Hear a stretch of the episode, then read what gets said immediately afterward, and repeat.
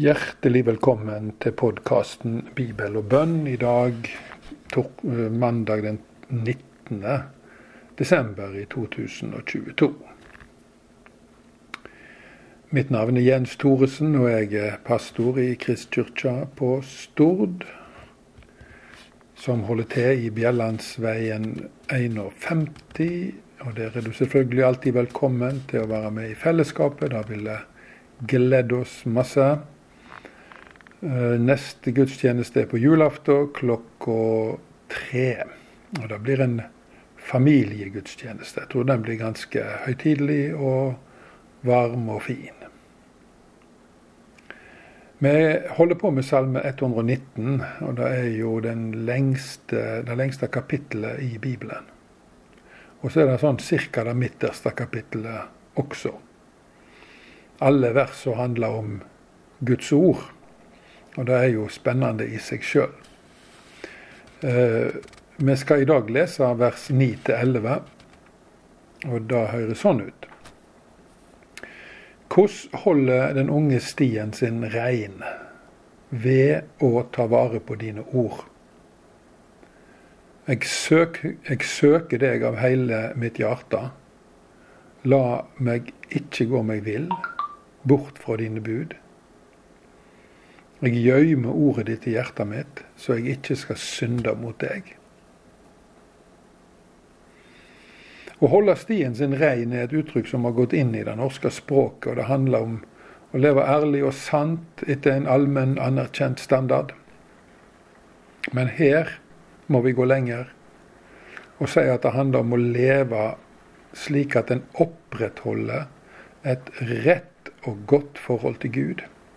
Noe som innebærer at vi innretter livet vårt etter Guds lover, at vi bekjenner våre synder når vi bryter de, og tror at Gud for Jesu Kristi skyld tilgir oss alt. Slik er det både for unge og eldre.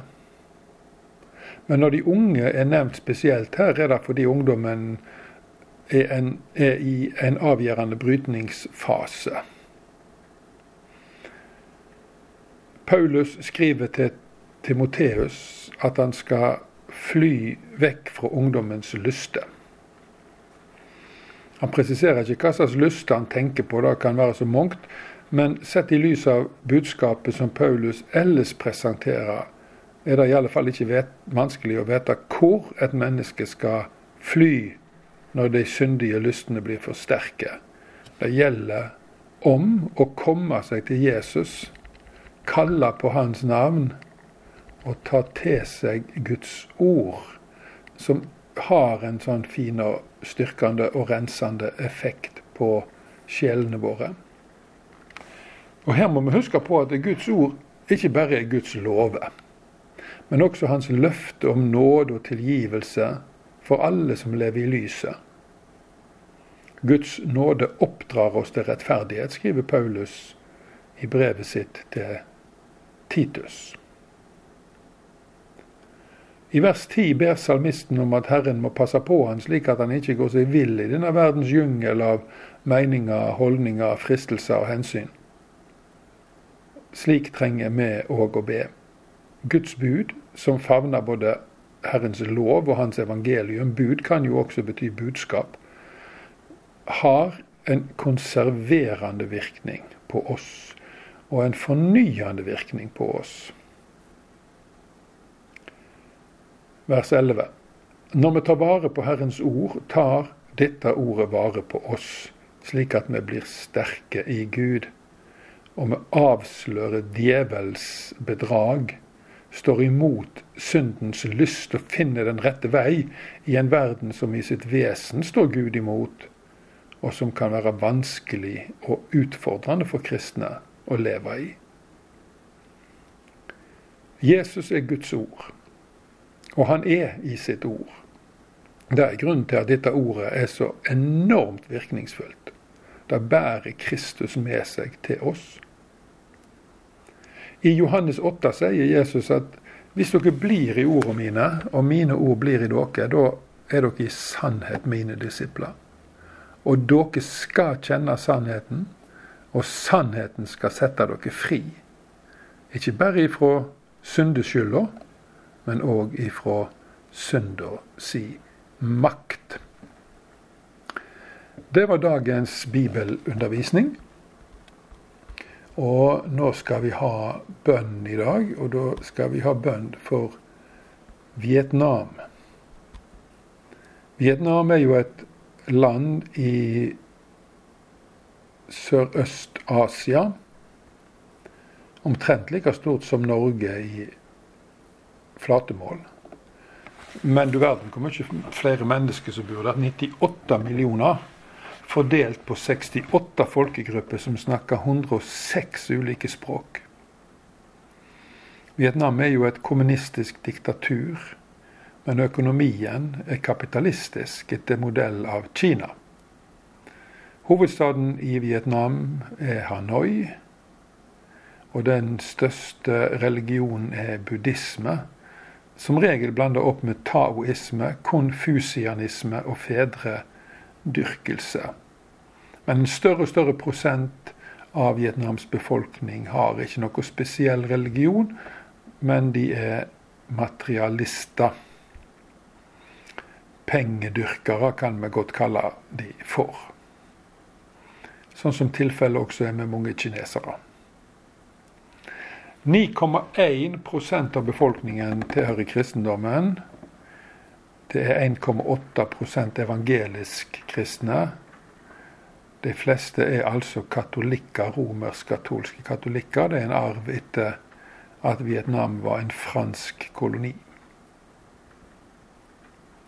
Den ufyselig lange Vietnamkrigen som enda med nordvietnamesisk seier i 1975, har sett dype spor i befolkninga det er ennå mye mistillit og mistenksomhet mellom folk i dette landet. Spesielle problemområder er jo menneskehandel, prostitusjon, narkomani, hiv, aids, brudd på grunnleggende menneskeretter, forfølgelse av kristne og andre minoriteter. Og så er det dette med materialisme og havesjuke. Alle disse tinga her får du vite med å, ved å gå inn på operationworld.org.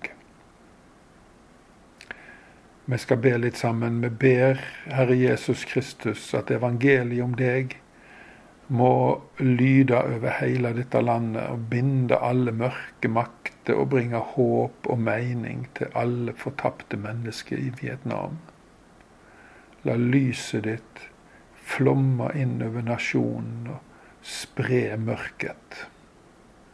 Og må du bli herliggjort for alle vietnamesere, Herre. Og må de forstå i djupet av sitt hjerte at de er syndere av fremste merke som bare kan bli frelst ved trua på deg. Må ordet ditt bli forkynt klart og rent over hele landet. Må du, Gud, sette inn ledere i menighetene som har hjerter for flokkene sine, og som kjenner deg, og som kjenner boka di godt. Og Så ber vi om at kristne som opplever forfølgelse, som sitter i fengsel for, for de skyld, skal få erfare at du er hos dem, at du styrker dem og sørger for dem, og at du også sørger for familiene deres, som kanskje mangler en forsørger. De siste åra har, har, det flamma opp en vekkelse både blant evangeliske og katolske kristne i Vietnam.